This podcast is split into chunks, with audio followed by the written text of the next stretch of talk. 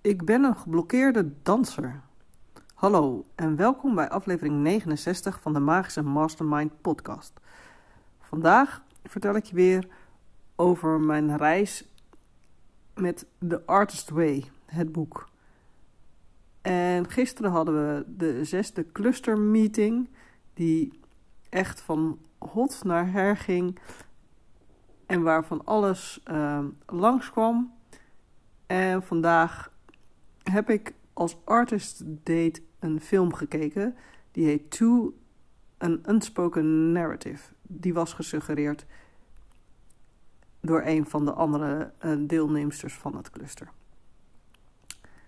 Uh, gisteren, ik weet niet eens goed wat er allemaal gebeurd is tijdens die meeting. We hebben het over superveel verschillende dingen gehad.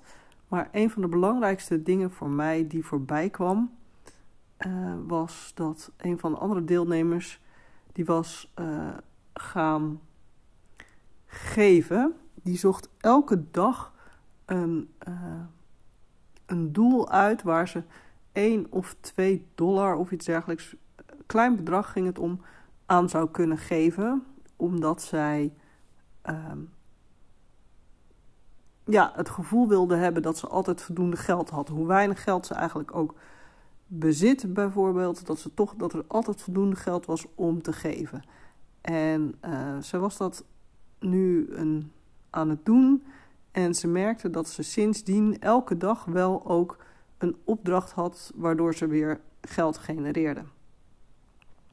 En dat was echt wel ja, bijzonder uh, inzicht. Want in veel boeken die ik lees ook over uh, geld en uh, geld genereren, gaat het er ook altijd om dat je een deel van je geld weggeeft om die flow van geld op gang te krijgen. En ik geef wel aan goede doelen, maar vaak bijvoorbeeld als ik weet dat iemand de Alpe d'Huez gaat rijden of een andere actie doet, dan geef ik daar geld aan. Af en toe als er mensen voorbij komen aan de deur, maar meestal vind ik dat niet heel inspirerend. En um, een van de dingen waar ik al wel een tijdje naar aan het kijken was, is om geld te geven aan een microkrediet, omdat ik dat een heel mooi concept vind.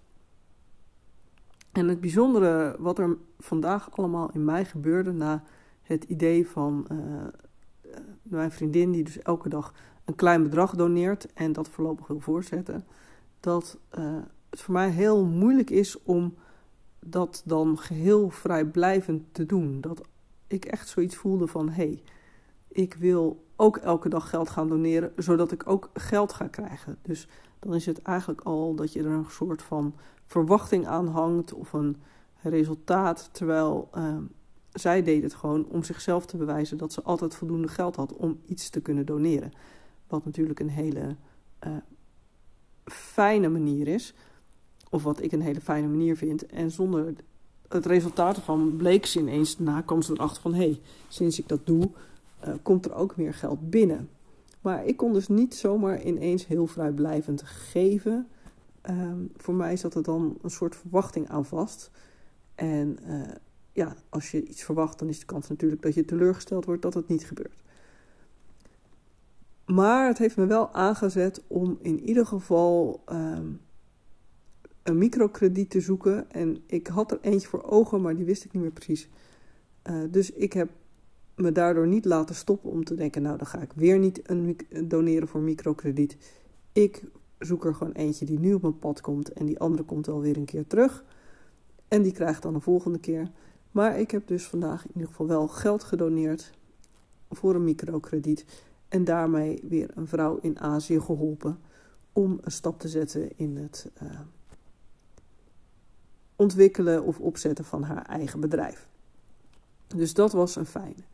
En nou heb ik natuurlijk nog helemaal niet iets over uh, de geblokkeerde danser verteld.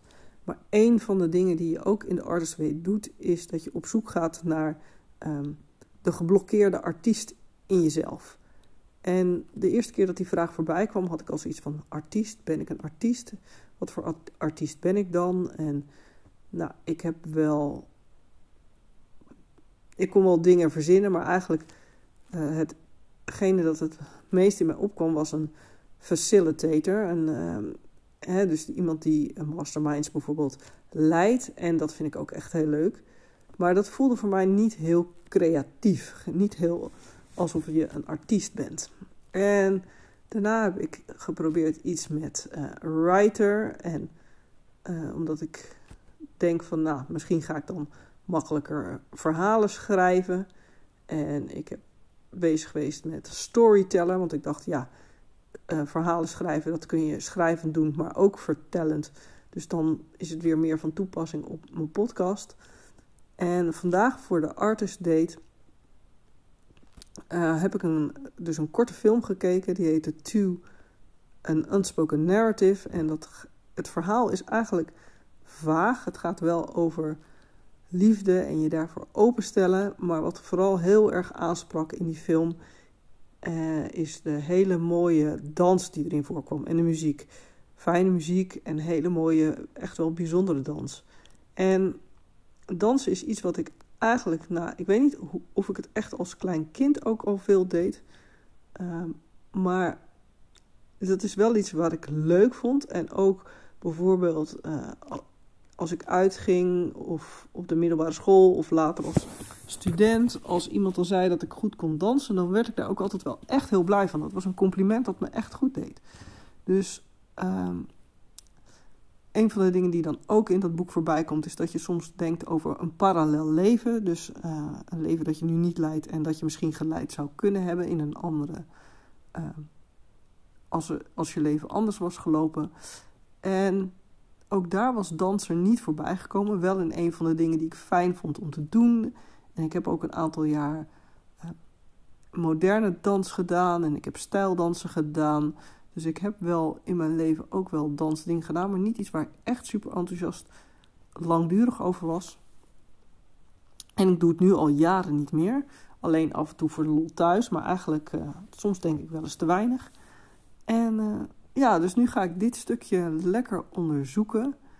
En ja, wat het betekent eigenlijk als je geblokkeerde danser bent. Wat gebeurt er als ik meer ga dansen? Vind ik dat een fijne manier om uh, mijn lijf beter te voelen of dichter bij mezelf uh, te blijven. Of uh, hè, misschien wel frustraties te uiten of iets dergelijks. Nou, in ieder geval iets dat ik de komende weken lekker mee aan de slag ga. Uh, wat als ik een geblokkeerde danser ben. En helpt dat je creativiteit bijvoorbeeld ook weer echt op gang te brengen. Um, en een van de dingen die ik de laatste tijd ook mee bezig was, is dat je als je iets doet, dat je een moraal hebt om te vertellen. En eigenlijk heb ik geen moraal deze keer. Dus je hebt nu uh, ruim acht minuten naar wat gewauwel van mij mogen luisteren.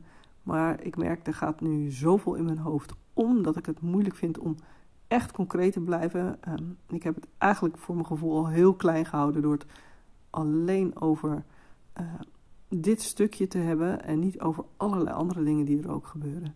Maar super dankjewel voor het luisteren en tot de volgende podcast.